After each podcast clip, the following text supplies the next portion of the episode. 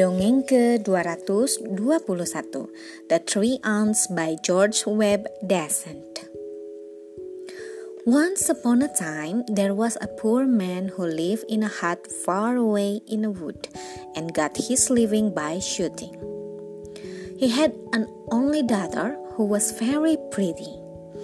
And as she had lost her mother when she was a child, and was now half grown up, she said she would go out into the world and earn her bread. So the girl went off to seek a place, and when she had gone a little while, she came to a palace. There she stayed and got a place, and the queen liked her so well that all the other maids grew envious of her. So they told the queen that the lassie could spin a pound of flax in four and twenty hours. Now, the poor lassie dared not say she had never spun in all her life, but she only begged for a room to herself. That she got, and the wheel and the flax were brought up to her. There she sat weeping and knew not how to help herself. She pulled the wheel this way and that and twist and turn it, but she knew not what to do. But all at once in came an old woman to her. What's wrong, child? she said. Ah, said the lassie with a deep sigh. It's no good for you'll never be able to help me. Who knows? said the old wife. Maybe I know how to help you after all. The lassie explained what had happened.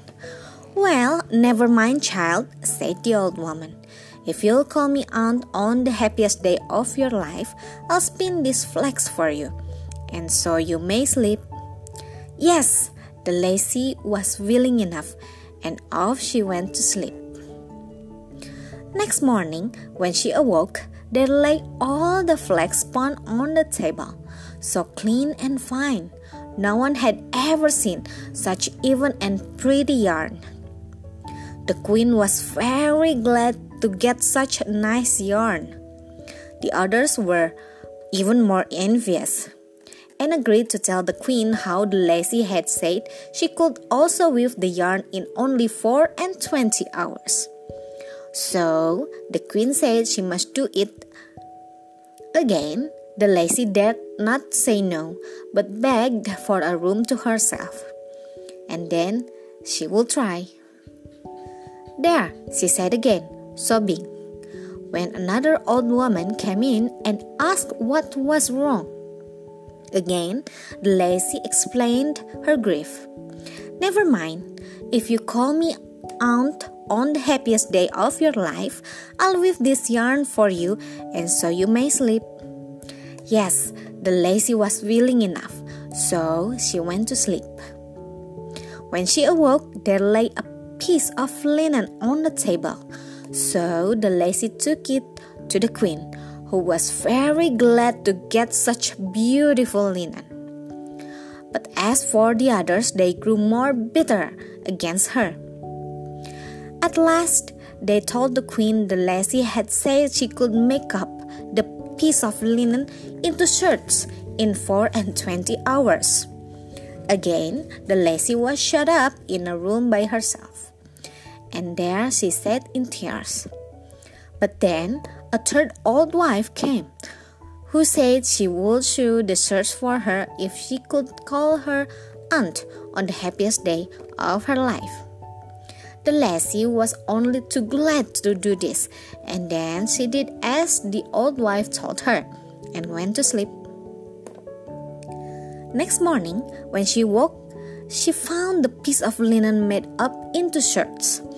When the queen saw the work, she was so glad at the way in which it was sewn that she clapped her hands and said, Such sewing I never had, nor even saw in all my born days.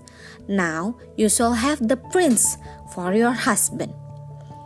Soon the wedding was upon them.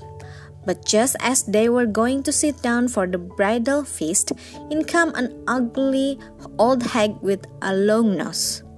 So up got the bride and made a curtsy. Good day, auntie. Please sit down with us to the feast. But just then, in came another ugly old hag with a hump back. Up jumped the bride in a trice and greeted her with, Good day, auntie. She too sat down with them. But they had scarce taken their seats before another ugly old hag came in with a large, bleary eyes. But jumped the bride again and said, Good day, auntie. The prince asked her to sit down, but he wasn't very pleased.